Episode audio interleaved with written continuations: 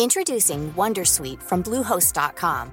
Website creation is hard, but now with Bluehost, you can answer a few simple questions about your business and get a unique WordPress website or store right away. From there, you can customize your design, colors, and content. And Bluehost automatically helps you get found in search engines like Google and Bing. From step-by-step guidance to suggested plugins, Bluehost makes WordPress wonderful for everyone. Go to bluehost.com/wondersuite.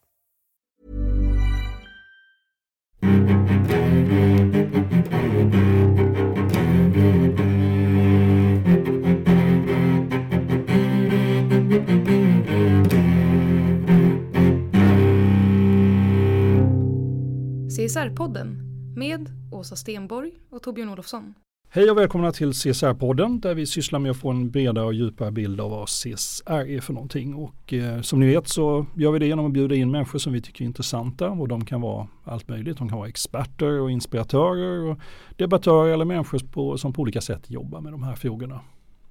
Och idag har vi haft eh, Kai Török här som är nytillträdd, eller nytillträdd, sex, sex månader tillbaka eh, hållbarhetschef och eh, informationschef på Max Hamburgare. Det låter mycket mäktigare med de engelska titlarna. Han heter Chief Sustainability Officer och Chief Reputation Officer. Reputation Officer, det är lite ja. kul det där. Ryktet ja. Ja, ja ryktet eller relationen ja. eh, faktiskt. Kul eh, samtal, hoppas ni tycker om det också. Eh, vill ni kommentera något så gör ni det bäst på vår Facebook-sida och gå gärna in där och gilla oss och sprid oss till andra så vi får fler lyssnare.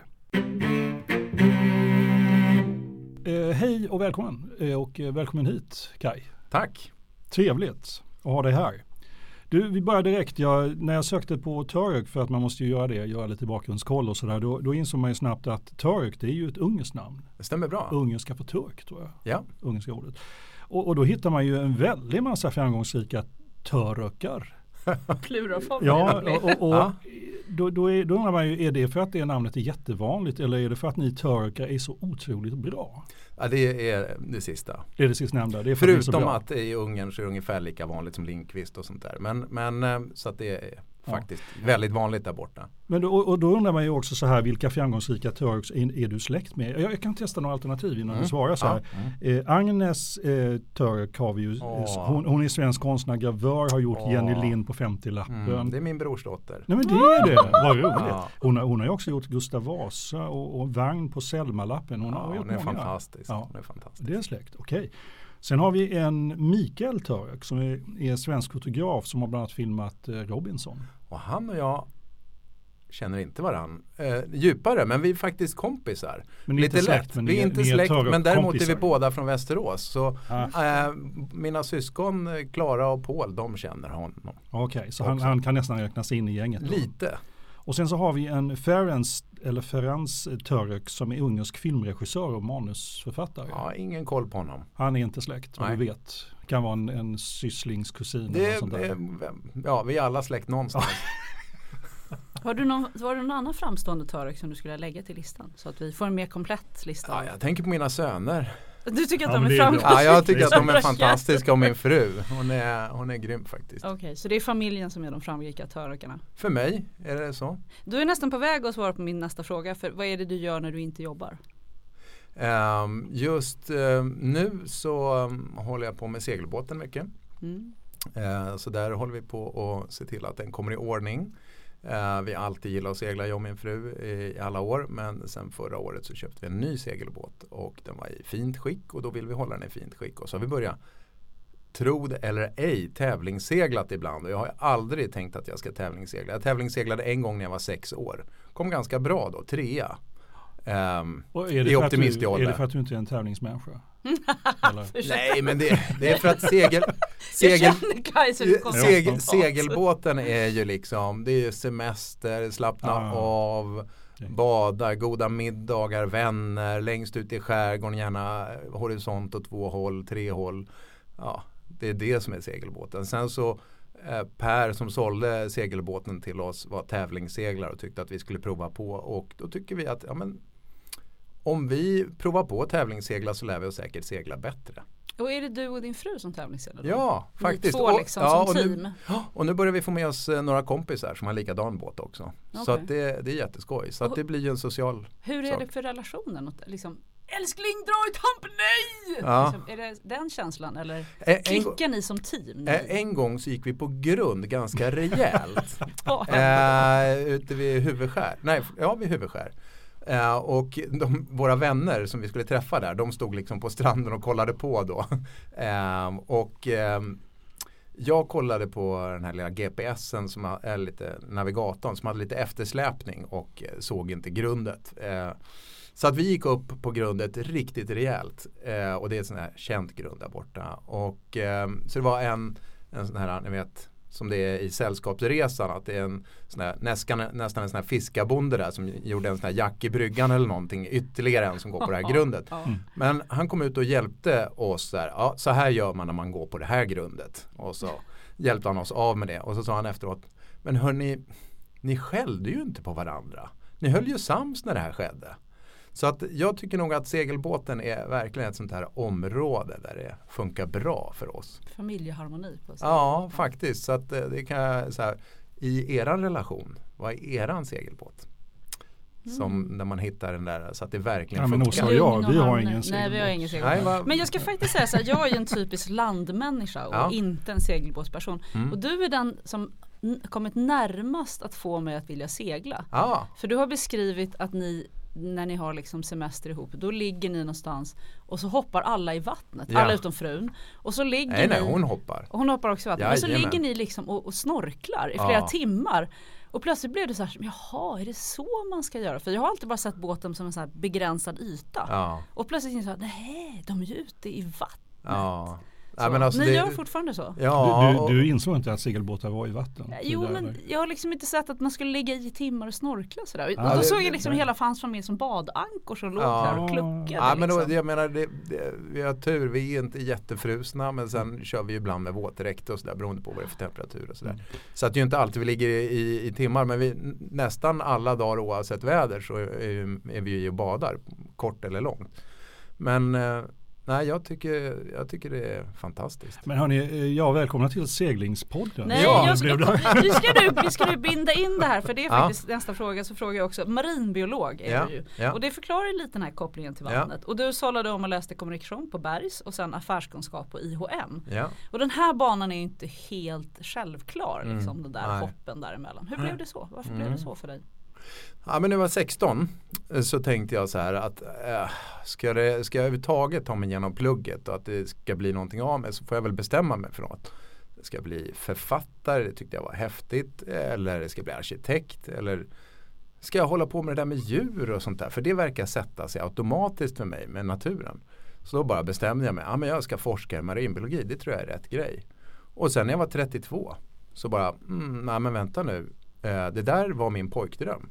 Nu har jag gjort det här. Nu vill jag kliva vidare till någonting annat. Eh, jag stod i kylrum på somrarna eh, och eh, framför Excelblad på vintrarna som, eh, som marinbiolog. Och jag tänkte att ja, det var inte riktigt det jag längtade efter. Jag, så eh, kommunikation eh, drog mig väldigt mycket, alltså som min personlighetstyp. Men också så visste jag ju om att vetenskapen är på plats. Vi vet om så otroligt många av våra hållbarhetsutmaningar. Nu gäller det ju att andra ska få reda på det. Visst kan man fortsätta och borra i de områdena men, men hur, ska, hur ska världen funka? Så att utifrån det så kände jag att jag hade ett, ett nytt och starkare syfte. Och Bergs och IHM blev då logiska utvecklingsvägen. Så ja precis, så att det, lite grovt kan man säga att sen dess så sista 20 åren så har jag tänkt jag jobbar eh, brett med hållbarhet men smalt med kommunikation. Eh, så eller rättare sagt smalt med hållbarhet och brett med kommunikation kanske måste, snarare. Alltså, det där blir helt förvirrande. Ja, det där, nu, nu ja, precis. Vad, vad Men äh, egentligen där, där områdena hållbarhet och kommunikation möts. Ah, det är, det i de områdena. Ja, ja, så kan man säga. Uh, och det, så det har varit min lilla nisch. Mm. Du, om man tittar lite på vad du har gjort så du har jobbat på Naturliga Steget ja. under en lång tid. Uh, du var med och grundade kommunikationsbyrån Futerra. Ja. Och uh, nu på Max Hamburgare som du faktiskt jobbade med och lärde känna redan under din tid på Steget. Ja.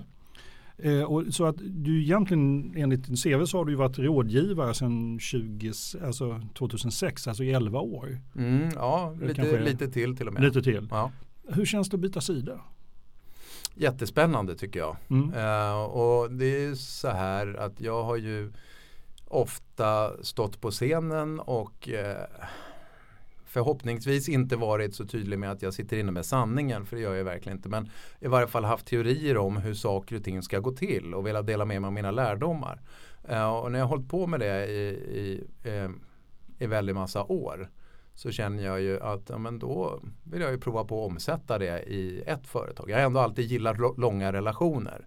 Och när jag då jobbar med Max i tio år eh, eller mer så när den här möjligheten kom då när jag hade jobbat sju år på Ferterra och jag började tänka hur ska, hur ska jag ta nästa steg? Eh, och det hade kunnat varit inom Ferterra också. Eh, men eh, så, så dök det här upp och då kände jag att det här är så otroligt spännande. Kan vi bli ett globalt föredöme inom olika delar? Kan jag vara med och, och stötta den utvecklingen? Och, och då när, när jag sa det till Kristoffer Bergfors på Max så blev han glad och så, så i princip så skräddarsydde de en roll som funkade för mig. Eh, som informations, alltså förtroende och hållbarhet är det jag har drivit eh, som informations och hållbarhetschef du var ju då en av de som tog varumärket för Terra till Sverige. För det, ja. det är ju en eh, engelsk byrå egentligen. Ja. De har ett koncept som har, de har kört väldigt länge och är väldigt framgångsrikt. Ja. Vad var det för Terra hade som, som Sverige behövde i det skedet? Vi är alltså vid 2009 någonstans mm. ungefär. Ja, den ena saken som vi behövde var att glömma Jante lite grann. Eh, alltså att om man gör någonting bra då är det väl bra att folk vet om det också. Eh, för väldigt många företag har under lång tid sagt vi ska berätta om vårt hållbarhetsarbete när vi är klara med det. Och då blir uppföljningsfrågan när blir ni klara med det? Och då är svaret aldrig. Och då är det lite synd eh, att man inte berättar om det. För att eh, medarbetarna kan ju vilja veta att man jobbar med det här eller eh, intressenter av olika typ behöver ha reda på det för att kunna driva utvecklingsarbetet ännu längre eller bara för att kunna göra kunderna gladare över att man faktiskt har gjort någonting inom hållbarhet. Så det finns massor av olika fördelar. Men, så det är ena området bara eh, jantedelen eh, och här känner vi ju att de, den anglosaxiska kulturen med Ferterra där är man mycket tidigare på att kommunicera kanske ibland för tidigt för, i svensk perspektiv. Vi har en idé om att vi kanske ska göra någonting så därför berättar vi just nu att vi är superbra. Eh, Medan i Sverige kanske kan vara lite mer, nej men eh, vi har gjort det här i 20 år nu men vi är inte klara så vi ska inte säga något. Mm. Eh, så den där, vi ville flytta den balansen. Men sen också en av de väldigt viktiga delarna eh, var att att flytta det från att sluta tänka så mycket på eh, allting som är kvar att göra. Alltså, ja nu blir vi lite mindre dåliga. Till att jäklar, vi tillför det här till samhället. Så sluta hålla på att sträva efter mindre minus till att börja öka plusset. Mm. Och, och den eh, det är ju en diskurs eller en samhällsdiskussion som vi behöver ta oss in i och som jag är så glad att den håller på att förändras i världen nu. Um, så, eh, så ett passivhus på ett vis i den gamla berättelsen. Eh, vi är nästan nere vid noll. Men när jag hör ordet passivhus så tänker jag att om jag sitter i det så kommer jag så här sappa med fjärrkontrollen. Jag kommer bara luta mig bakåt och inte orka med någonting. Men i ett plushus som ger mer el tillbaka till nätet än vad det får shit, där kommer jag göra så här chin-ups hela tiden och vara igång. Va? Så att de där det, små det psykologiska ja, okay. skillnaderna mm. är, är, är, väldigt mycket värda. Men svarar du på frågan egentligen? Var, var det därför som Futerra behövdes i Sverige vid den tiden? Ja, det tyckte jag. Ja. Jag tyckte han det. Alltså, ja, jag, jag bara undrar. Och, och, och möjligt, ja, så, så de två anledningarna så de två anledningarna och möjligtvis en tredje och det är att det största Futerra kan göra mm. är om vi hjälper till att utmana kommunikationsbranschen till att förändra sig. Mm. Och Jonathan Porritt i, i Storbritannien, han är ungefär som Johan Rockström och Karl-Henrik Robert tillsammans. Uh, och han har sagt We have been talking to marketers for 20 years and they simply just don't get it. Och på något vis har det varit mycket så med kommunikatörer och reklambyråer och annat i Sverige. Att de har liksom inte fattat hur de ska hantera det här området. Vi har sett mycket greenwash eller, eller annat i det hela. Så och, och, här måste jag säga att här tycker jag faktiskt att vi har varit med och skapat en skillnad. Idag är det väldigt många av de stora kommunikationsbyråerna som har en hållbarhetsavdelning, en CSR-grupp eller annat och det är självklart nu. Och jag tror att, eller jag är säker på att vi har drivit på den förändringen eftersom vi har snott kunder utav dem.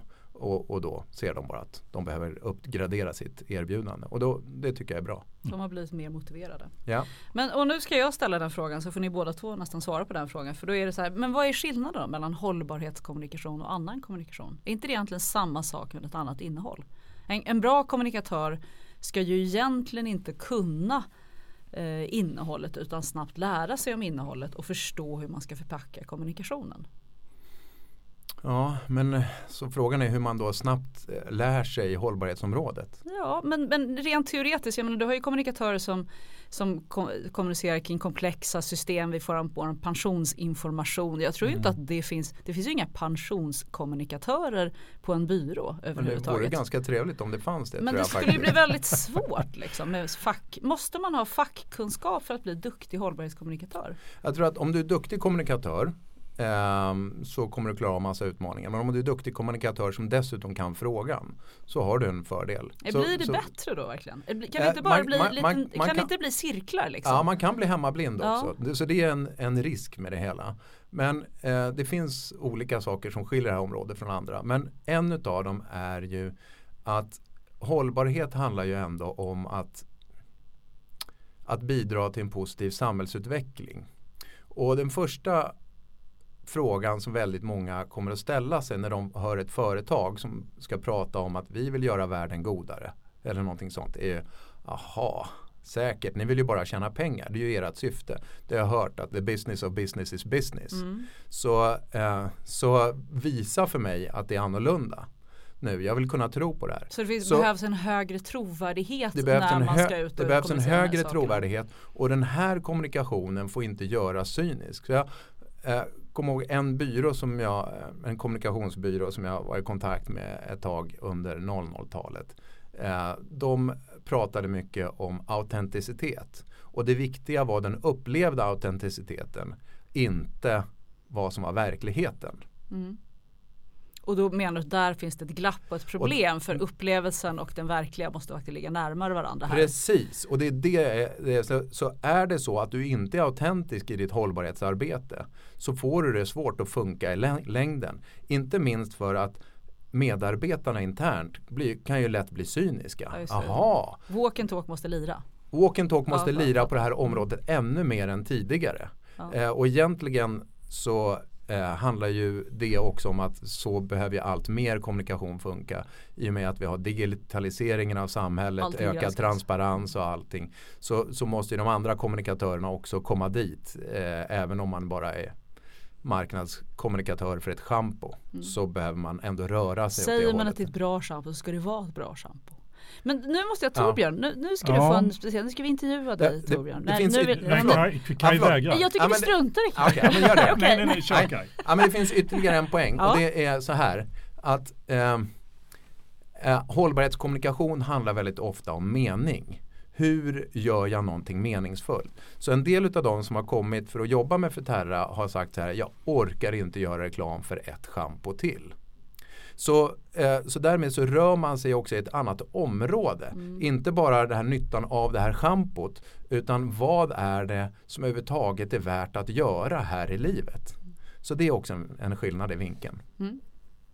Sen tror jag också så här att behovet av hållbarhetskommunikation var fanns separat på ett, ett, alltså tidigare mer än vad det gör nu. Idag har det blivit väldigt mycket mer integrerat. Ja. Det fanns ett behov av att få upp ögonen för vad det här betydde och vad det här skulle kunna bli för någonting, både risker och fördelar med det. Ja.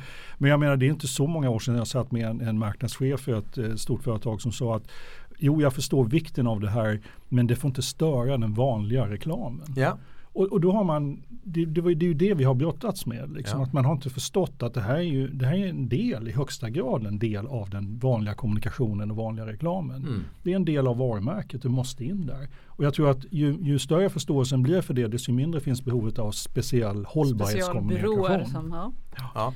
Ja, det, det, håller jag med om. Eh, och, och, då är det bara frågan hur får jag in det mm. så att det kopplar till mitten till kärnan i varumärket. Ja. Och det som vi ser en stor global rörelse över just nu det är att allt fler kliver tillbaka och pratar om purpose. Varför finns vi till egentligen? Mm. Eh, och det är ju en av de hållbarhetsfrågor som vi ställde oss på det naturliga steget en, eh, mm. redan på den tiden. Vad har ni för existensberättigande? Vem skulle sakna er om man plockar bort er eh, på riktigt? Eh, så att, eh, eh, och, och, det där blir en spännande fråga att utforska. Och då måste vi också börja diskutera the, the, cause of the business is business. Menar, det, är inte, det, det är den som måste ifrågasättas också ja. i någon grund. Därför att du kommer, man måste se att vinsten är kopplad till ett ansvar att leverera någonting i ett samhälle. Ja. Och då har vi förenklat affärsmodeller hårt när vi säger att aktiebolag ska bara göra vinst. Det är att idiotförklara hela företagsbranschen. Ja. Som gör otroligt mycket samhällsnytta. Vilket syftet är ju att du ska göra ett samhällsnytta egentligen. Och, och, det var ju därför som företagen i USA eh, fick en annan lagstiftning. Mm. Där man kunde skilja på att en juridisk person från början bara kunde vara en fysisk person. Till att det helt plötsligt kunde vara ett företag. För man kunde se att ni kan leverera nyttor mm. om ni gör det här. Och då är det bra. Men då, Futura hade tre syften. Det var att utmana branschen, inte jantelag och eh, att vi skulle gå från problem till lösningsfokus eller möjlighetsfokus mm. med kommunikation. Har inte allt det här hänt nu då? Är liksom done deal? Nu borde inte specialbyråerna behöva finnas längre. Borde Futura lägga ner? Nej, det borde inte. Och jag menar, eh, det här var ju tre saker vi ville skulle förändras med Futerra. Det uttalade syftet är att göra hållbar utveckling så lockande att alla blir del av den. Mm. Och det behövs eh, fortfarande otroligt mycket. Men visst har vi en positiv tendens? Alltså, ja, det, är mycket har ju hänt tendens, också. Jättemycket har hänt sedan vi startade Futerra.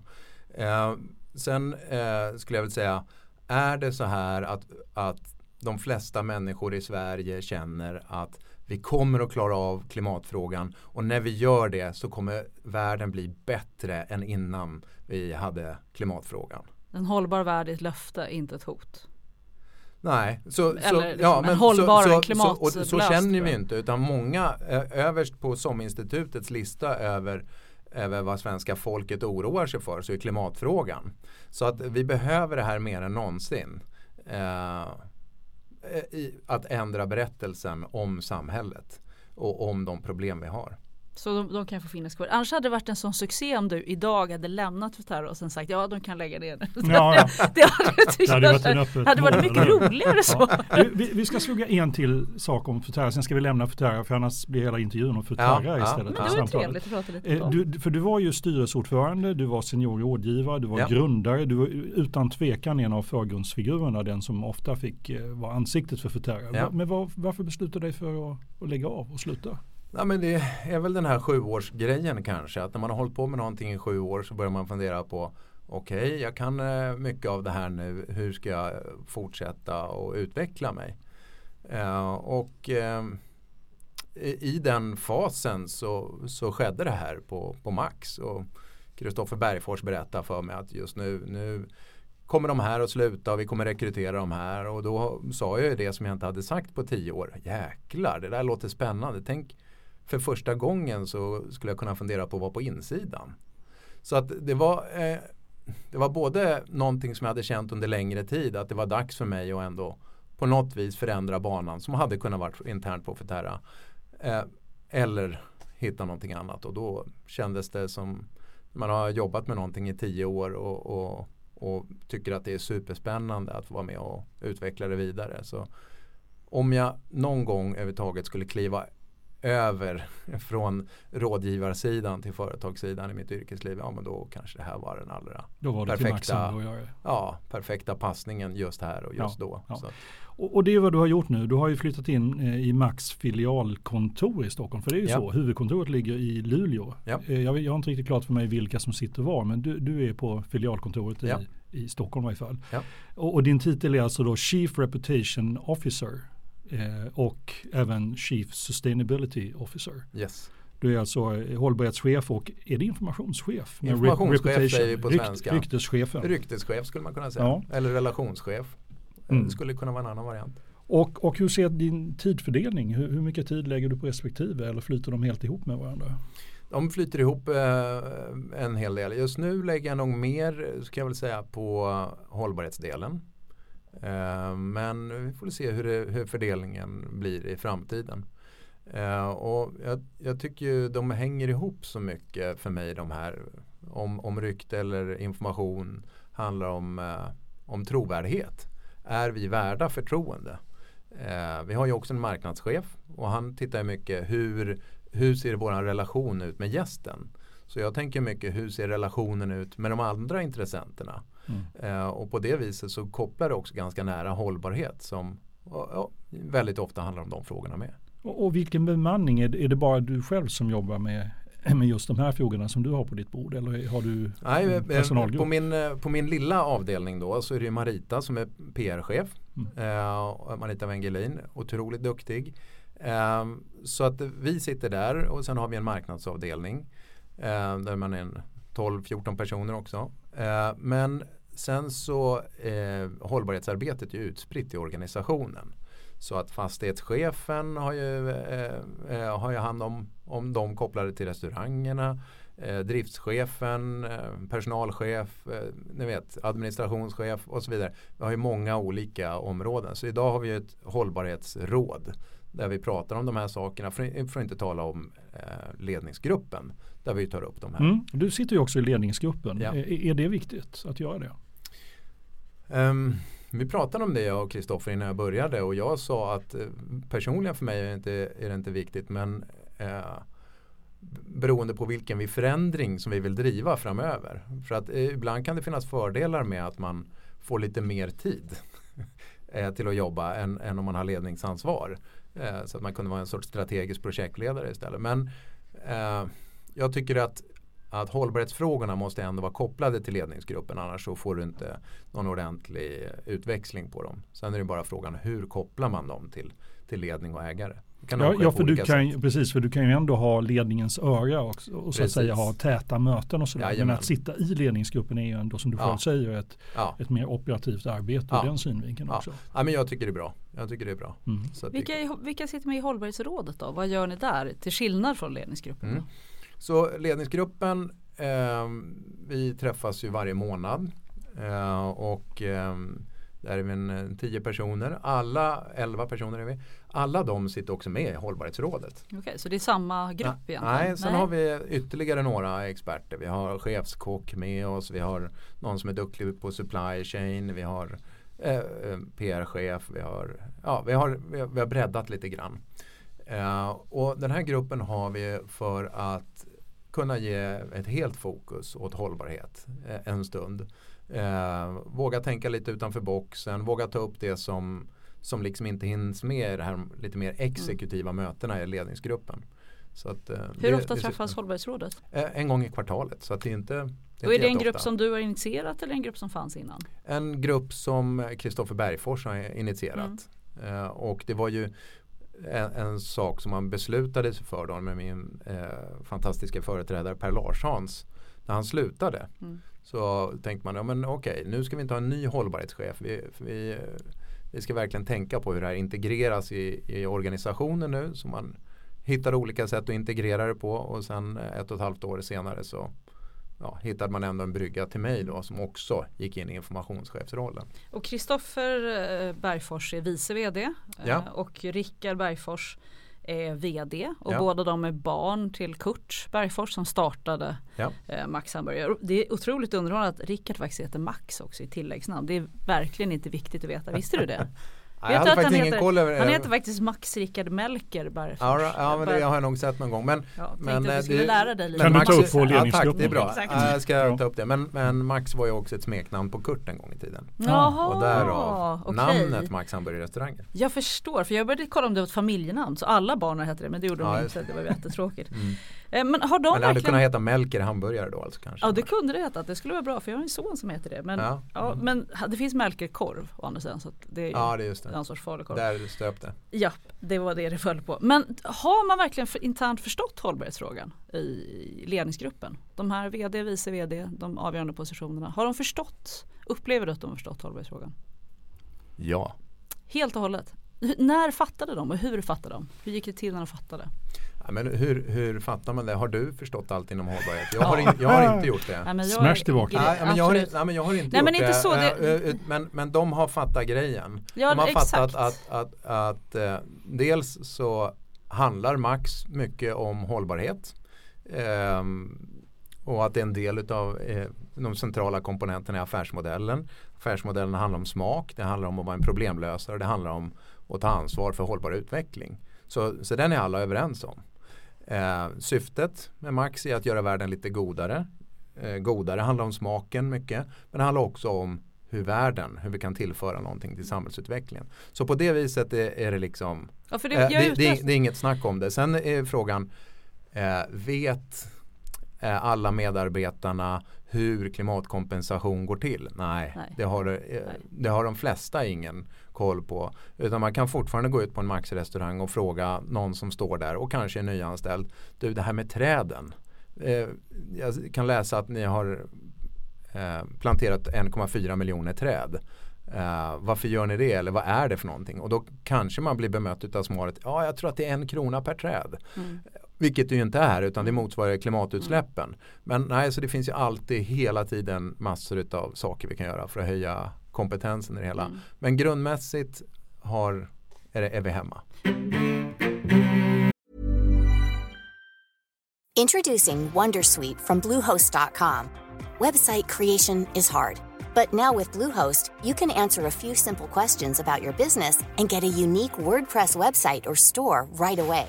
From there, you can customize your design, colors, and content. And Bluehost automatically helps you get found in search engines like Google and Bing. From step-by-step guidance to suggested plugins, Bluehost makes WordPress wonderful for everyone.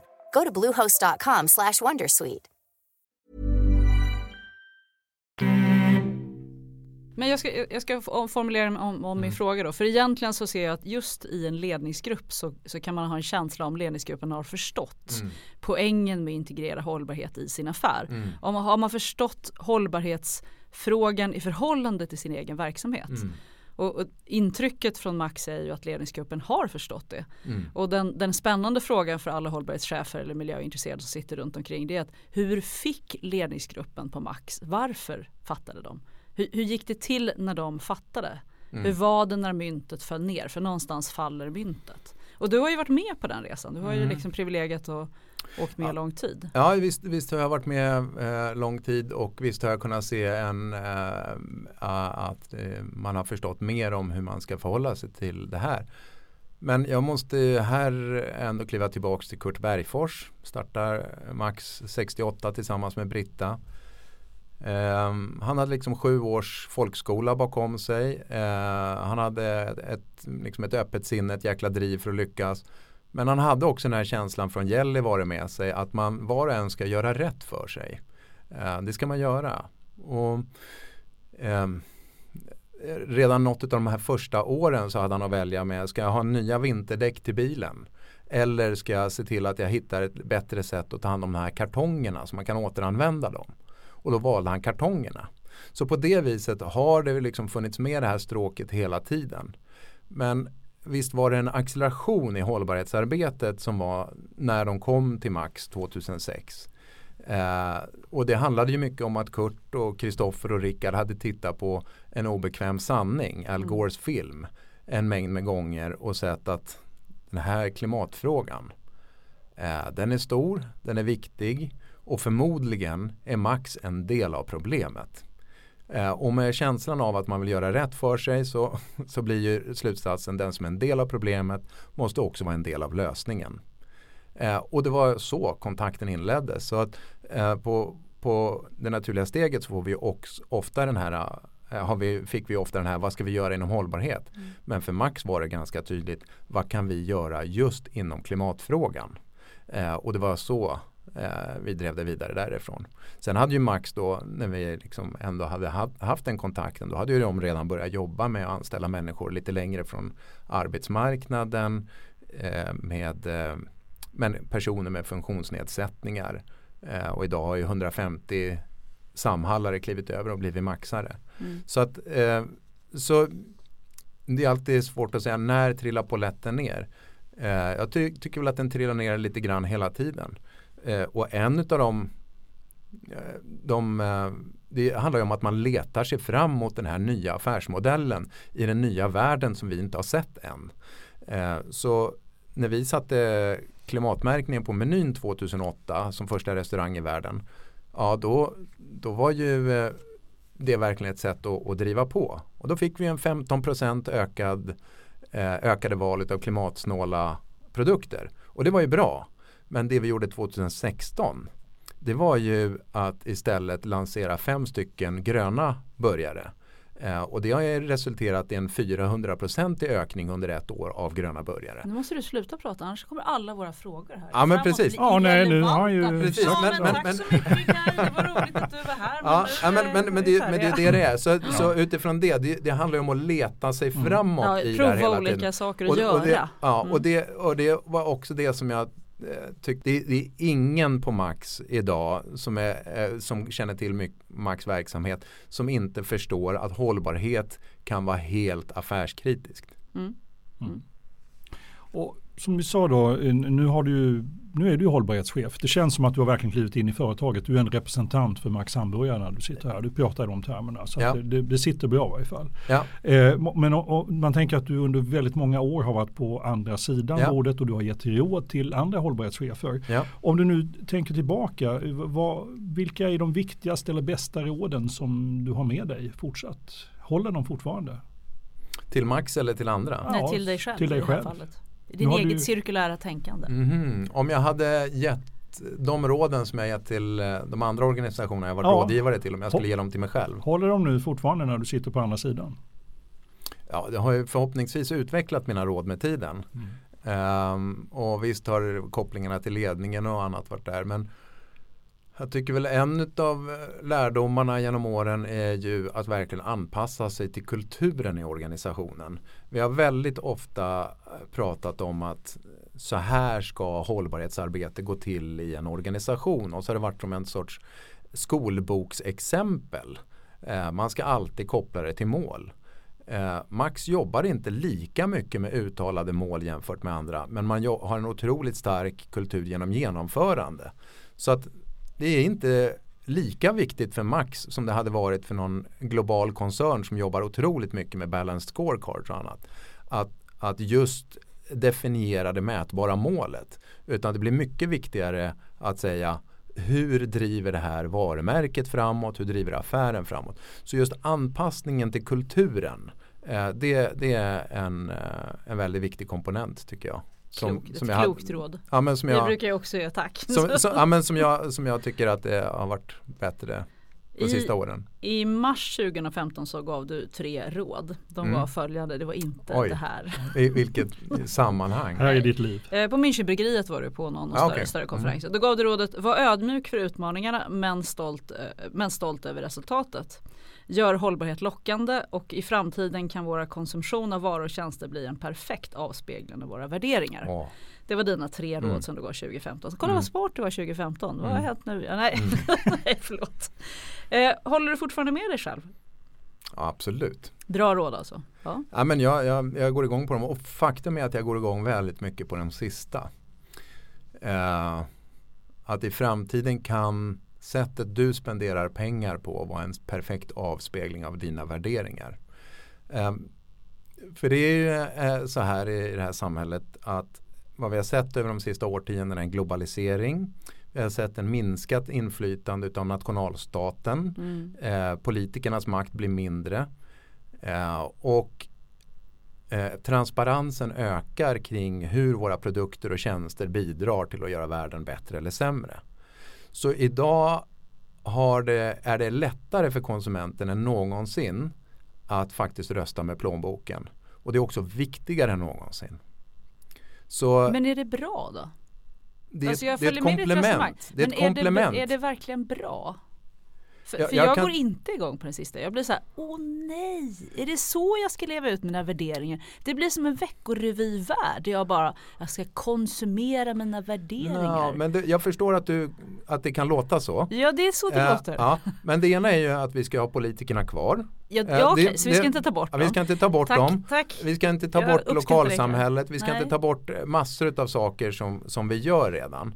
Eh, Men däremot, jag menar om du verkligen vill bidra till samhället så vill du göra det på ett sätt som känns. Eh, alltså som, som, som du, så att du investerar. och om du gör ha... det med dina egna mer eller mindre surt förvärvade pengar ja, då har du ju min... fortfarande chans att, att rösta fram det samhälle du vill ha. Ja men in, för det första så tror jag inte man röstar med plånboken utan man röstar med valsedlar och det kallas demokrati. Och det är en ganska fin sak som vi ska ägna oss åt så vi ska mm. prata mer om att vi röstar med demokrati. Och borde vi inte snarare uppmuntra människor att vara medborgare och komma tillbaka till att det inte bara, för jag tycker vi minimerar människor vi bara säger du är bara konsument. Ja. Och i det här nationalstaten är på väg att försvinna. Mm. Det är en hotbild. I många av hållbarhetsaspekterna så är fundamentan i hållbarhet faktiskt en god stat som uppehåller statliga funktioner. Och sen liksom, kan ju såklart de utföras privat också men regelverket kommer nästan alltid från en stat. Det är en stat som sätter baseline, det här, ni får inte vara sämre än det här och är ni sämre än det här då kommer vi, liksom, det är vi som jagar svansen. Mm. Jag är superrädd för att vi ska vara, att, att rollen som konsument ska vara den stora rollen och inte medborgare eller den ideella engagemanget. Jag vill engagera mig i min, i min vilja och lust, inte med mina pengar. De ska jag köpa saker som är nödvändiga men inte mer för. Men är det verkligen det du säger Kai? Att, att man definieras som människa på sin konsumtion? Jag älskar demokrati. Jag är otroligt tacksam för alla de som har stått upp och kämpat för demokratin, som har gett oss den, kanske ibland dött för den. Så att eh, det, den är otroligt viktig. Eh, men du har helt rätt Torbjörn, det är inte det jag säger att vi ska eh, ta bort det på något vis. Eh, men det vi kan se är att en del av de eh, utmaningarna som vi står inför idag de är globala. De är, handlar inte om det jag kan göra med röstsedeln inom landet.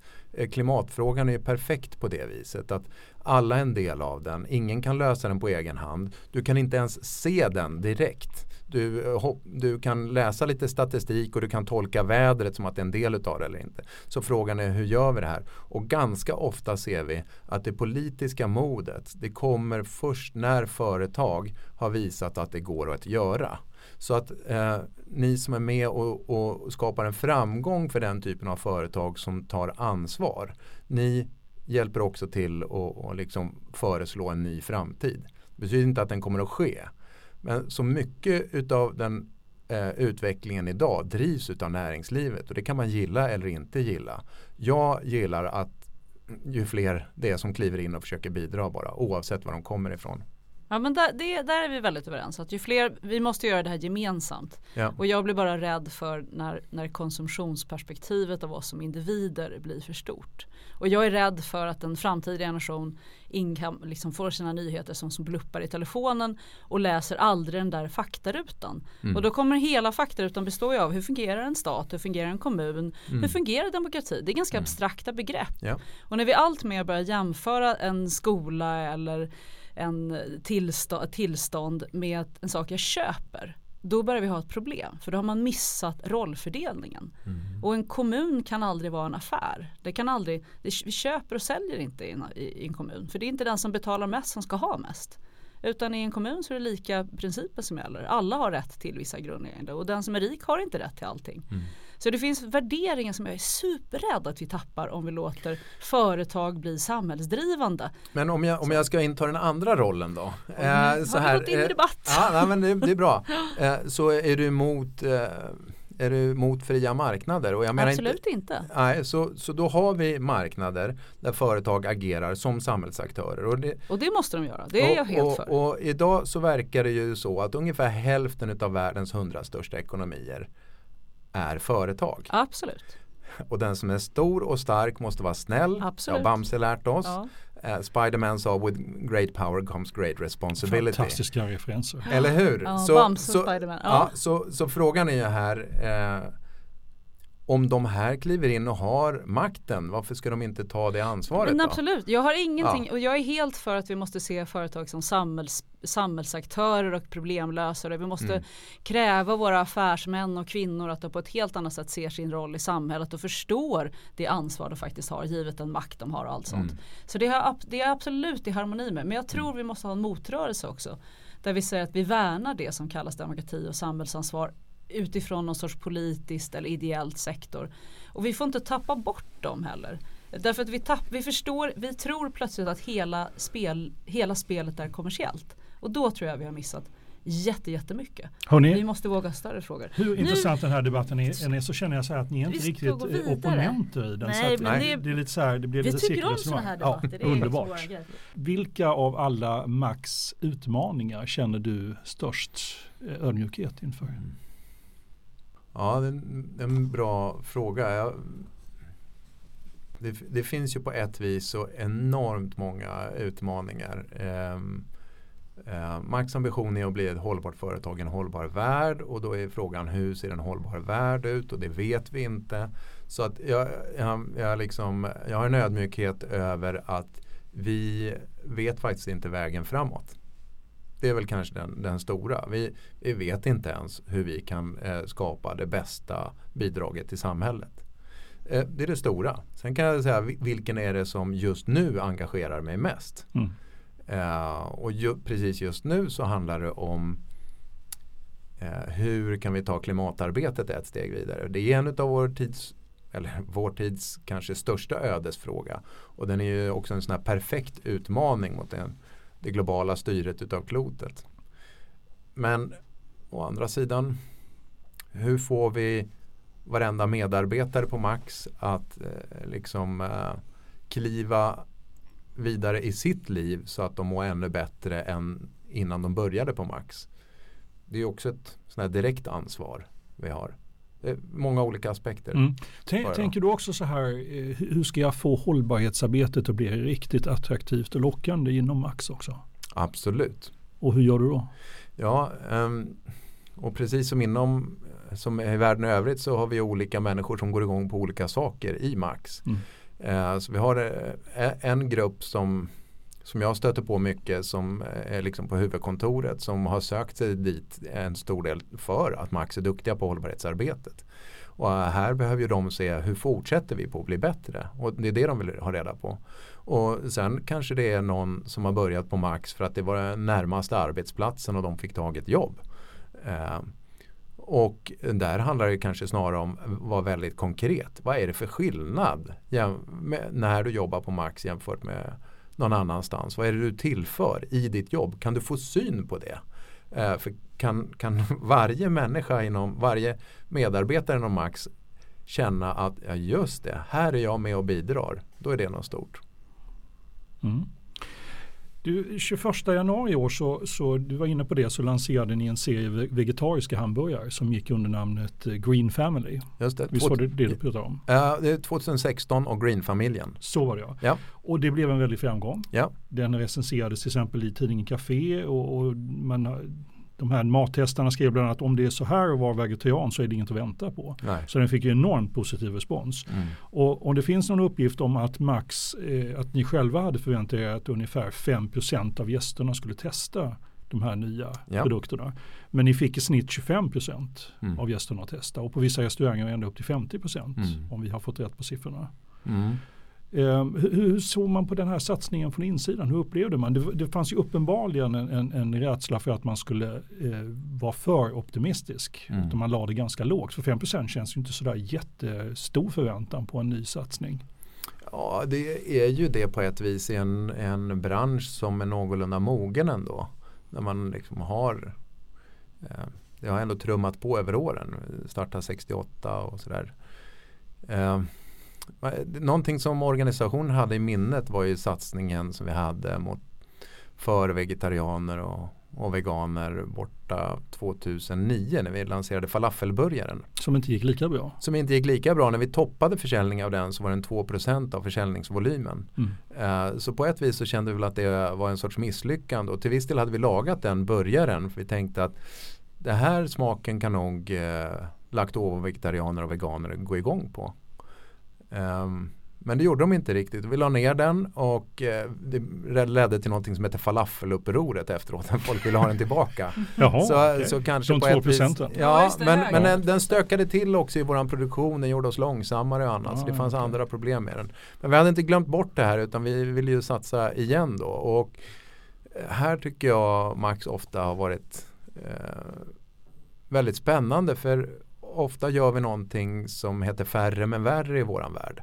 Alltså inte försöka göra alla grejer samtidigt hela tiden men de vi gör, de gör vi större, de gör vi modigare, de gör vi konkreta. Eh, och det här var ju en så. Så istället för en falafel så fem nya produkter samtidigt. Det var den största eh, produktlanseringen vi någonsin har gjort. Och eh, det har då blivit vår mest lönsamma vi någonsin har gjort också. Ja, för det är något fascinerande över det där. Det, det, det, gör ju att man undrar lite grann vad är det i Max kultur som gör att man inte drar de normala slutsatserna från ett misslyckande. Mm. Eh, som, som egentligen borde gjort att man inte hade satsat på den här mm. gröna familjen. Ja, här måste jag hålla fram familjen väldigt mycket. och eh, De är modiga, de är nytänkande. Eh, och eh, ja, Kurt har varit det hela tiden men sönerna är likadana. Och, så att eh, det finns en kultur av att mm. våga göra så här och vara ganska snabbfotad också. Vi, vi, vi testar en produkt, kunderna vill inte ha den, okej men då lanserar vi en hel familj med samma produkt. Ja, men långt senare, det är inte din timing. Ja, det, det blev några år senare så vi var lite liksom. för tidiga ute där och vi har ja. varit eh, lite för tidiga ute tidigare. Tex-Mex eh, var, var vi, höll vi på med långt innan det fanns fredagsmys, eller på att säga. Inte riktigt, men i varje fall innan fredagsmys var lika med taco. Eh, så det höll vi på där. Det gick väl halvbra. Eh, men eh, så att ibland har vi varit lite före vår tid också och så, så är det väl om man ska prova på. Men det var, det var kul att det här lyckades och, och eftersom jag kommer från systemekologi från början och har suttit med Excelblad och annat så eh, för mig är det ju väldigt spännande att se när hållbarhet lyckas. För då handlar ju inte det lika mycket om Excelbladen och att vi ska ha räknat ut hur det är utan i det här fallet om Max får gröna burgare att smaka minst lika bra som röda burgare då är det det största vi kan göra för klimatfrågan. Och då är det smak. Och vad är smak för en naturvetare? Ja, då börjar det handla om sådana här smakkörtlar och sånt och annat. Och det funkar inte så. För vi vet att människor reagerar på smak på, det är en kulturell upplevelse, annars hade vi inte haft surströmming. Eh, så, så, hur, så helt plötsligt är, är hållbarhet inne i den typen av uppgifter. Och här är ju produktgruppen på Max, chefskocken och alla som är med och provsmakar, Kurt och andra liksom, här, och Kristoffer, här blir de helt avgörande för om vi ska kunna ta klimatfrågan ett steg framåt. Jag har läst att Green Family-produkterna lanserades inte så mycket via reklam utan det var väldigt mycket PR. Man bjöd in nyckelpersoner för att komma hit och smaka. Man gjorde en liten annonskampanj men, men inte liksom signifikant. Eh, och då är min fråga varför gjorde man så? Och sen så är Snille spekulerar så här, är det, är det så man ska göra när man lanserar en hållbarhetsprodukt? Eller är det, är det här ett exempel på en framtida sätt att faktiskt marknadsföra sig? Att det handlar mer om relationer och mindre om alltså annonser och eh, reklam? Jag, jag, tror att det är lite olika vid olika sammanhang. Eh, och eh, jag menar, reklam använder man ju mycket för att få upp eh, den här top of mind. Att man ska ha det i skallen, man ska minnas varumärket. Så att just i den stunden när jag känner mig lite hungrig så ska jag associera det med, med rätt ställe. Eh, och det är en lite bredare approach. Och, och, som vi var inne på tidigare, vad, hur skiljer sig hållbarhetskommunikation från annan kommunikation? Den ena är att man behöver en högre trovärdighet. Mm. Och då är ju reklamkanaler har ju ganska låg trovärdighet från början. Eh, så då vill man ju kanske lansera det i kanaler som har högre trovärdighet eh, från ena hållet på det viset. Eh, men det är ju också så att i, i det samhälle vi är idag så det som folk skriver om oss är ju mycket viktigare än det vi säger om oss själva. Mm. Så på det viset är, är, ju, är det viktigt att bygga den här typen av relationer och också testa på det. Och då säger du ju indirekt att antagligen när det gäller just en satsning som är nischad lite mer och ska bära på hållbarhetsaspekterna i någon form. Då är faktiskt just relationsmarknadsföring intressantare att använda för ja, att den bygger en starkare liksom, ja, ganska trovärdighet. Of, ganska ofta och det beror ju också på vad man har för varumärke. Mm. Eh, och skulle jag säga så här eh, ett um, ett varumärke en utsatt bransch, kanske gruvindustrin som inte är kända för att göra någonting för hållbarhet. Om de börjar driva sitt hållbarhetsarbete i reklamkanaler så kommer ingen dåligt. tro på det. Det blir jättedåligt. Eh, de får ju börja eh, kommunicera på ett väldigt lugnt och sansat och trovärdigt sätt. Men om du däremot har jobbat med hållbarhet väldigt länge, är känd för det, alla är klara med de associationerna, då kan du dra på ordentligt. Mm, även i reklamkanaler. Mm. mm. Så, att, eh, så, så, skulle jag tänka på det. Mm. Um, I Max var en av de första som pratade om lönsamhet. Det var en av de första tyckte jag i branschen som vågade säga så här. Vi mm. gör det här för att vi tjänar jättemycket pengar på det. Um, och det var också, vad, vad, om du tittar nu på Max och liksom under den långa perioden som du har umgåtts med Max hamburgare. Vad säger du är den största vinsten av deras hållbarhetssatsning? Ja, och det, hur räknar man lönsamhet? Det är alltid mm. lite eh, spännande det där. Jag menar det, det som jag började med var ju kring klimat och klimatanalys och annat. Om jag tittar på det arbetet så, skulle, så är det ena förstås hur det har drivit uppmärksamhet och annat och stärkt varumärket. Det är inget konstigt med det. Strategiskt så skulle jag väl säga så här att eh, för ett familjeägt företag som tänker optimering utav vinsten istället för maximering så blir det otroligt viktigt att ha koll på hur deras kärnprodukt som tidigare var hamburgare och kött hur den klarar av framtiden. Har man en hållbar affärsmodell? Så den var ju central att ge sig på. Så, så, och, så jag säga så här, vad du säger nu är alltså att tack, den största verkliga ekonomiska vinsten av hållbarhetsinsikterna det är att man kommer kunna, man håller på att framtidssäkra sin affär. Absolut, det är bra ja. väl mm. uttryckt. Och det, och det är det ju i varje fall kring nötköttet. Ja, exakt, sen, sen tycker jag ju eh, det stora arbetet med att anställa människor som står längre från arbetsmarknaden det är också att ändra sin affärsmodell. Mm. Ehm, så kan vi tillsammans skapa ett team där var och en styrkor görs, tas tillvara och var och en svagheter görs irrelevanta genom medarbetarnas styrkor. Det är en typ av, av synsätt som har tagit sig in för att de här människorna som kanske har funktionsnedsättningar har lärt oss att vi ska ställa frågan vad är det du kan istället för vad, det är, vad är det du inte kan som de har fått frågan så ofta tidigare. Eh, och när vi fokuserar på vad de kan, då kan de ju massor. Och, och, om det synsättet smyger sig in bland alla medarbetarna så att alla funderar på vad är det jag skulle kunna vara bäst på i det här? Hur, hur kan min kugge vara i, den här, i det här maskineriet eller i den här gruppen? Jag menar, då får vi ju lag som funkar ihop ännu bättre. Och då blir business caset egentligen effektiv arbetskraft, folk stannar längre, man får en rätt rekrytering, ja. bättre kultur som jag antar blir effektivare restauranger och liknande. Absolut. Mm. Ja. det finns ju andra delar av affärsmodellen också som handlar om, om etablering. Så nu öppnar vi ju på i Liseberg här alldeles eh, nyligen och det är tre nya restauranger och här har en konkurrent varit inne och drivit i 12 år. Eh, och Liseberg var tydliga med att de föredrog Max för att mm. vi har jobbat mycket med hållbarhet och tagit samhällsansvar. Så där var det en ren affär också? Det, det, är en väldigt konkret mm. affär. Och är det någonting som den här branschen behöver för att funka så är det bra lägen på restaurangerna. Man vill ha lägen där människor är. Det är svårt att få dem dit annars. För eh, ibland är det så att man vill gå till en restaurang för att man älskar smaken av den och jag älskar det stället. Och ibland är det bara så här, jag har 15 minuter på mig. Ska jag gå till kiosken här och köpa någon chokladkaka? Eh, eller, eller kan jag få i mig något varmt? Ja men titta, där är ett ställe där jag kan få i mig något varmt. Mm. Så ibland är vi bara problemlösare.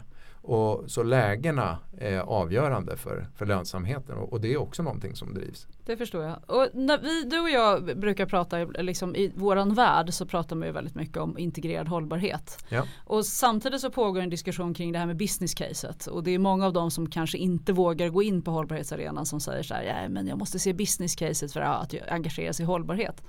Men filosofisk fråga då, en, när hållbarhet är helt integrerat då kommer det inte finnas några hållbarhetsbusiness case längre. Är du med på den tanken? Mm, absolut. Och, så, och visst är det logiskt i så fall att snart kommer ju inte Max kunna sätta fingret på exakt vad det är vi tjänar pengar på hållbarhet utan det är en sån självklar bit av vårt DNA så att vi tjänar pengar, punkt. Vi har alltid med oss de här aspekterna. Mm. Jo absolut, sen är bara frågan när är vi där? För att om, om, eh, om världen är hållbar, ja men då är vi ju där. Eh, och, om, eh, om, eh, om världen inte är hållbar så kommer man ju ändå behöva fundera på hur kan vi bidra till en hållbar utveckling. Så du säger att business case ligger snarare då i när man angriper vissa problem. Då kommer det fortfarande vara ett hållbarhetsbusiness case. det beror ju på rubriken på det. Ja, så, ja. Så, så då, där kanske det bara blir det är klart vi gör affärer på det här sättet. Vi tänker lite ja. bredare. Så, så på det viset kanske om, om, om jag tänker vad du är ute efter så ja, när våran affär blir riktigt hållbar då kommer jag aldrig använda ordet hållbarhet igen. Mm. När, när, Max började med sitt klimatarbete så började man också hjälpa sina kunder att vara lite klimatsmarta. Bland annat genom att man upplyste dem om eh, koldioxidbelastningen per hamburgare, mm. CO2. Eh, gör ni det fortfarande?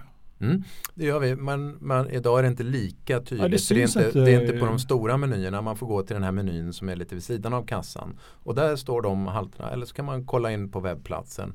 Där finns de också. Fast jag måste säga att det är inte lika lätt att hitta som jag önskar det skulle vara. Nej. Så att där, där, kan vi gott jobba med att göra det bättre. Men vi upplyser om det fortfarande. Och jag tror att vi har hjälpt till att upplysa svenskarna om att nötkött är något av en klimatvärsting. Eh, och, och, på det viset så är en del av jobbet gjort. Eh, det vi har gjort är att skifta strategi till att skapa mer gröna burgare istället. För det vi vet är att eh, en eh, veganburgare idag har ungefär en tiondel av klimatpåverkan som en köttburgare. Så byter vi ut den ena mot den andra så får vi en mycket större effekt än om vi bara berättar om eh, att att det finns en skillnad i klimatavtrycket. Men blir det inte lite motsägelsefullt? Liksom? Att ni, ni ska upplysa konsumenten om att det här, alltså nötkött är, är värstingen i miljöfrågan. Vilken sort vill du ha? Mm. Mm. Alltså det blir lite kontraproduktivt. Borde ni inte bara slänga ut det och bara köra vegetariskt istället då? Ja. Det hade ju varit riktigt radikalt. Ja, nej, men och, jag menar vi har ju ett mål om att öka andelen icke-rött köttburgare. Måltider som byggs på icke-rött kött. Så att eh, i slutet av 2015 så var målet att var femte skulle vara baserat på annat än rött kött. Alltså blått kött fisk eller vitt kött kyckling eller grönt kött vego. Eh, sen efter, kort efter lanseringen så hade vi uppnått det så då hade vi det nya målet en tredjedel. Eh, var tredje burgare ska vara annat än rött kött. Och vi får ju fortsätta med den utvecklingen och, och se hur, hur långt kan vi gå egentligen? Men man måste få med sig konsumenterna. På vi måste få med oss konsumenterna hela tiden. En, en sak som vi gjorde dock som, eh, som är stor och kraftfull och tydlig det är ju att vi har ju eh, klimatkompenserat för de här börjarna. Så för all, alla de klimatgasutsläpp som kommer från lantbrukarens jord via olika typer av bönder och leverantörer och annat till gästens bord ut på restaurangen. Alla de utsläppen, där planterar vi träd i Afrika. Vi återplanterar regnskogar som en gång har funnits där och de suger upp motsvarande mängd koldioxid. Eh, så att vi jobbar ändå med att minska klimateffekten utav vår egen affär och vi har på det viset också lagt på oss en sorts eh, klimatskatt. En, en, eh, en ryggsäck, en klimatryggsäck som vi betalar ganska många miljoner för varje år för att, eh, för att påminna oss själva om, om, eh, om de här klimatutsläppen eh, för att göra det också till en, ett schysstare val för gästen. För om gästen då ska säga ja, jag älskar ju burgare, jag, vill, jag vet om att det kan vara ett problem. Eh, jag vill ändå ha lite jag vill ändå känna att jag kan på något vis påverka med min plånbok. Och jag tror om, om vi ställer frågan till 100 eller 1000 eller 10 miljoner svenskar. Eh, vill du bidra till ohälsa, orättvisa och miljöförstöring? Så kommer de flesta svara nej och de som svarar ja de behöver prata med en vän. Det vet vi, en god vän och under lång tid. Och sådär. Eh, men, eh, men om man istället ställer frågan bidrar du till ohälsa, orättvisa och miljöförstöring? Då får ju alla svara ja också. Så på det viset så är vi ju i en situation där vi behöver välja mellan de här produkternas värde och våra egna värderingar. Och då är det ju trevligt att i varje fall kunna liksom säga ja fast väljer du det här då är vi i varje fall lite mer på väg åt rätt håll. Vi är mm. inte framme i hållbarhet men vi är på väg åt rätt håll. Men, men konsekvensen av det om jag biter mig fast vid det skulle mm. egentligen vara att det som var lättillgängligt och väl uppskyltat det skulle vara det vegetariska sortimentet och det som var lite besvärligt och som man måste be och få när någon ringer i en klocka mm. varje gång man beställer det, det är den här nötburgaren. mm. liksom för att verkligen göra den mindre tillgänglig. Ja, men, och, och, och, så kan du, förlåt. Ja. Nej, jag skulle, nu ska jag hålla med. Jag brukar nu ska du försvara med. Nej, exakt. Jag brukar aldrig hålla med gästen. Så jag tänkte göra ett undantag just då. När man driver, om man gör saker som just gästerna inte var med på, då investerar man sig ut ur affären. Och den förändring, den hållbarhetsrådgivare som ger en råd, rådgivare och säger du, att du som driver en bort ifrån den verkliga pengarna. Det är en dåligt råd. Man måste göra det i takt med kunden. Skulle jag påstå. Så mm. det, det, får inte bli för besvärligt. Det måste fortfarande vara lätt. Mm. Så i så fall. Och då det här är något jag, unikt att ja, Åsa tar ja, parti för vår gäst. Det, det, är inte, det är inte heller så vanligt att jag och, och, och, Åsa håller med varandra. Ja. Vi håller egentligen med varandra. Men att vi håller med varandra i orden här och just nu mm. också. Nej men eh, så eh, visst är det så och jag tror att eh, om vi tjänar mer pengar än eh, konkurrenter som inte tar lika mycket ansvar. Ja, vad vi gör då det är egentligen att visa att vi, har, vi som håller på med hållbar utveckling vi har en roligare fest än de som inte håller på med hållbar utveckling. Eh, och om det sprider sig, ja då är det förhoppningsvis fler som vill hålla på med hållbar utveckling. Så det, det största Max kan göra, alla kategorier, det är att inspirera andra till att göra något själva. Och och är vi då väldigt lönsamma och vi är idag en av världens mest lönsamma restaurangkedjor. Är vi väldigt lönsamma och arbetar mycket med hållbar utveckling samtidigt. Jag menar, då är, tror jag att många kan följa efter.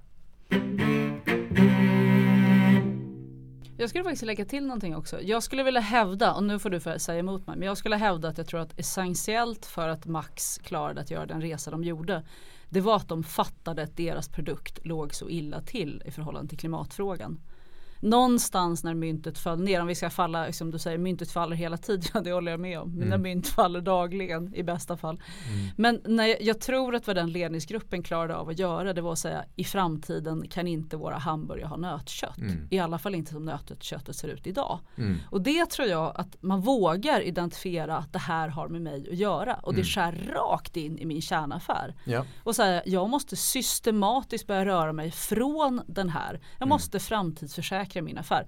Det mm. är en ledningsgruppsinsikt. Mm. Så där sa jag, där var det stora myntet som föll. Mm. ja, ja, men det håller jag med om och, och här är ju också, jag menar Max är familjeägda, de vill tänka lite längre, de eh, tycker att de kan investera. Så jag tror att det kan vara också svårare eh, för eh, ett företag med tre månaders rapportering ja. till eh, en anonym, anonym massa utav aktieägare som man eh, känner att man vill hålla sig extremt väl med. Så istället för att kanske göra det som man tror på med magen eh, för många företag eh, så eh, säger de det som de tror att aktieägarna vill höra. När ni pratar om klimatkompensation så har ni kompenserat hela vägen från liksom jorden egentligen fram till att hamburgaren står på mm. bordet. Mm. Eh, och när man pratar om klimatkompensation och klimatneutral och alla de här mm. termerna så börjar man absolut väldigt snabbt bli, bli teknisk därför det mm. handlar om vilka skop man kompenserar. Yes. Och hur, vad borde man egentligen som företag ta ansvar för? För att mm. vissa tar ju bara ansvar för sitt begränsade skop, kanske sin mm. begränsade affärs, det som går igenom mina böcker. Mm. Men det, den här nötköttet som produceras av en bonde det har inte gått igenom era böcker egentligen. Utan de har gjort som någon annan. Ni tar ju över bondens ansvar. Tar ni för mycket ansvar eller tar ni för lite ansvar? Eller hur borde vi få hur skulle vi resonera kring den här kompensationsbiten? Mm. Jag tänker på två olika sätt. Eh, ena är pliktetik. Alltså att vi ska ta ansvar för det som ligger nära oss som vi borde fixa. Ehm, eh, jag ska göra där jag står och gräver. Det, det är det jag har ansvar för. Jag kan inte, där andra står och gräver, varför ska jag ta ansvar för det?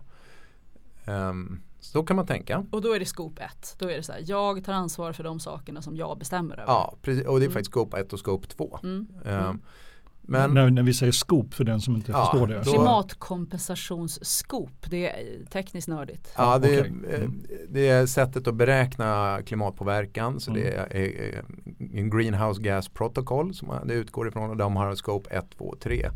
Eh, scope 1 och 2 idag är ungefär eh, tillsammans kanske 1-2% av det vi analyserar idag. Och scope 3 är resten. Så det är liksom allting som är utanför väggarna och utanför de här energiköpen man har. Eh, så scope 3 är gigantiskt och stort. Eh, men, men hade jag då tänkt med pliktetik, då hade jag tänkt i scope 1 och scope 2. Mm. Eh, tänka i konsekvensetik istället. Det är effekten utav mina handlingar. Det är de jag har ansvar för. Ja, då vill jag ju veta vad kan jag skapa för effekter uppströms och nedströms från mitt företag. Eh, och då är det ju insikterna eh, som, eh, och, eh, eller möjligheten att påverka som blir ansvaret. Eh, och det är annat än just där man står. Så de största effekterna det blir ju ändå i, i eh, för oss blir det ju vad väljer konsumenten att köpa om vi pratar just mm, klimatfrågan. Mm, mm. sen har vi andra saker, vilka anställer vi? Mm. Eh, det kanske vi har lite större effekt, eh, möjlighet att påverka själva och, och, och så. Så, um, så under förra året hade vi, hade vi gjort analysen, klimatanalysen genom Scope 1 och Scope 2. Då hade våran slutsats varit att vi ska eh, energieffektivisera våra byggnader ytterligare. Jag vet vi har jobbat med det mesta, vi har gått över till vinddel och så vidare. Men vi ska försöka att se till att, att grillarna stängs av en kvart tidigare när folk slutar på restaurangerna för då sparar vi lite. Så skulle möjligtvis förpackningarna vara med där också? Så skulle förpackningarna ja, bli ännu mer betydelsefulla. Mm. Och de, de tittar de vi på ändå, men de är 4 procent av, av, det, av vår klimatavtryck idag. Och de, men hade vi tittat på Scope 1 Scope 2 så hade de varit kanske 36 procent. Mm. Um, och, uh, men nu eftersom vi gör den större analysen då hamnar maten på 80% av klimatpåverkan och nötköttet på 66. Mm. Så, så jag ska säga att egentligen den största pliktetiska åtagandet man har är att försöka förstå vad är mina möjligheter att skapa stor effekt. Men inte att kompensera egentligen?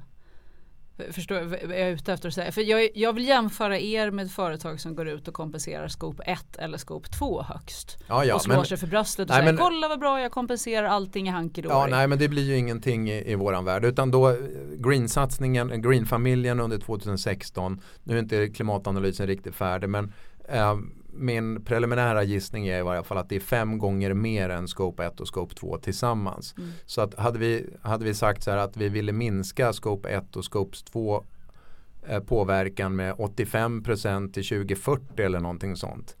Ja, det är ju en femtedel av vad vi åstadkom under förra året eftersom vi tänkte större. Och där, men där har ni ställt om affären. Men just nu när det gäller kompensationsvärden, klimatkompensationsvärden, ja. då jämförs ni när ni säger vi klimatkompenserar med de som egentligen bara gör en mycket, ja, mycket, men, mycket, mycket, mycket, mer begränsad så, så satsning. Är det, så är det. Och, dessutom, och hur känns det för er? Liksom? Ja, ja, men det har alltid känts på ett vis lite som att eh, folk har inte riktigt fattat hur stort det är.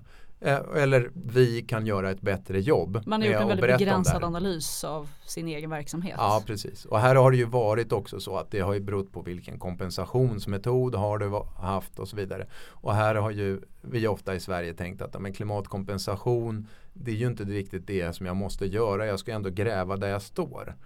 Eh, och det, det skulle jag vilja vända mig mot. För att klimatfrågan är, det är bråttom och vi allt. måste Alltså ska vi nå en och en halv graders målet eh, då måste vi börja binda kol igen. Mm. Så det räcker inte med att, att vi bara jobbar på att minska lite.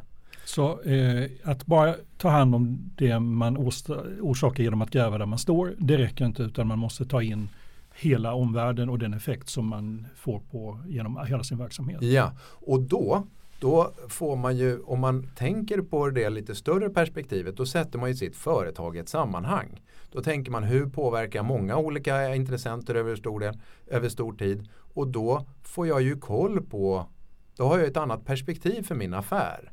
Eh, och den typen av utåtriktade företag som eh, går ju bättre ekonomiskt. Det är min erfarenhet. Så här blir det en, en väldigt fin brygga mellan hållbarhet och, och företagande. Toppen. Vi, vi, är nästan mot slutet på det här mm. poddinslaget mm. och vi har en fråga som vi brukar återkomma till och det är att vi hävdar att det finns mer att lära av eh, misslyckanden än av framgångar. Mm. Ja. Eh, har du okay. något misslyckande du kan dela med dig av? Som vi kan lära av? Ja. ja men vi pratade ju om falafelburgaren där, det var väl ett. Ja. Jag säga. Jag, personligt så kan jag väl säga min egen resa har varit lite sådär att från att jag då eh, Eh, var marinbiolog eller forskare i systemekologi så tänkte jag därifrån att det gäller att informera människor om hållbarhet. Så fort de får informationen så kommer de att engagera sig. Och sen så, nej men det är ju inte så människor förändras. det är ju inte det. Utan, ah, vänta, vi behöver kommunicera, vi behöver en dialog här. Så att båda lär oss. Ja, vänta, ja, det, det är ju jättebra, det är ju nästa steg. Ja, men vänta, det är inte bara det heller. Va?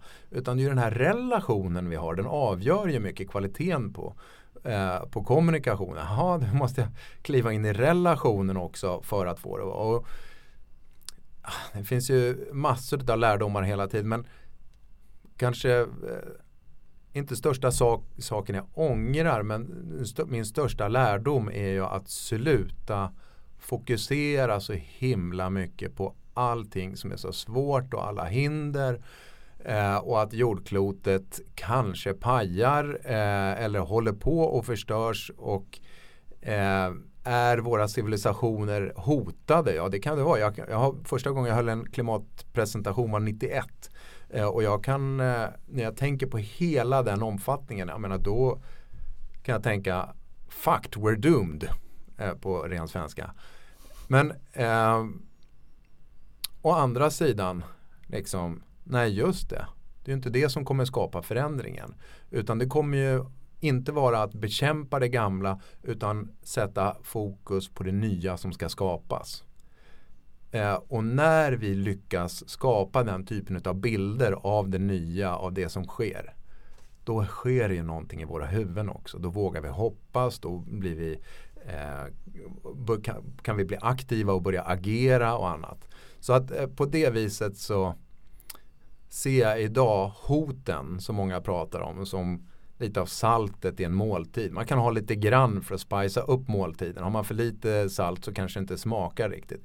Men ta bara lite för mycket hot och lite för mycket salt i maten så, så pajar man hela måltiden. För hållbarhet är måltiden där framme. Och det är den maten vi måste fokusera på. Den fantastiska maten framåt. Och det kommer skapa mycket mer energi än att bara prata om saltet.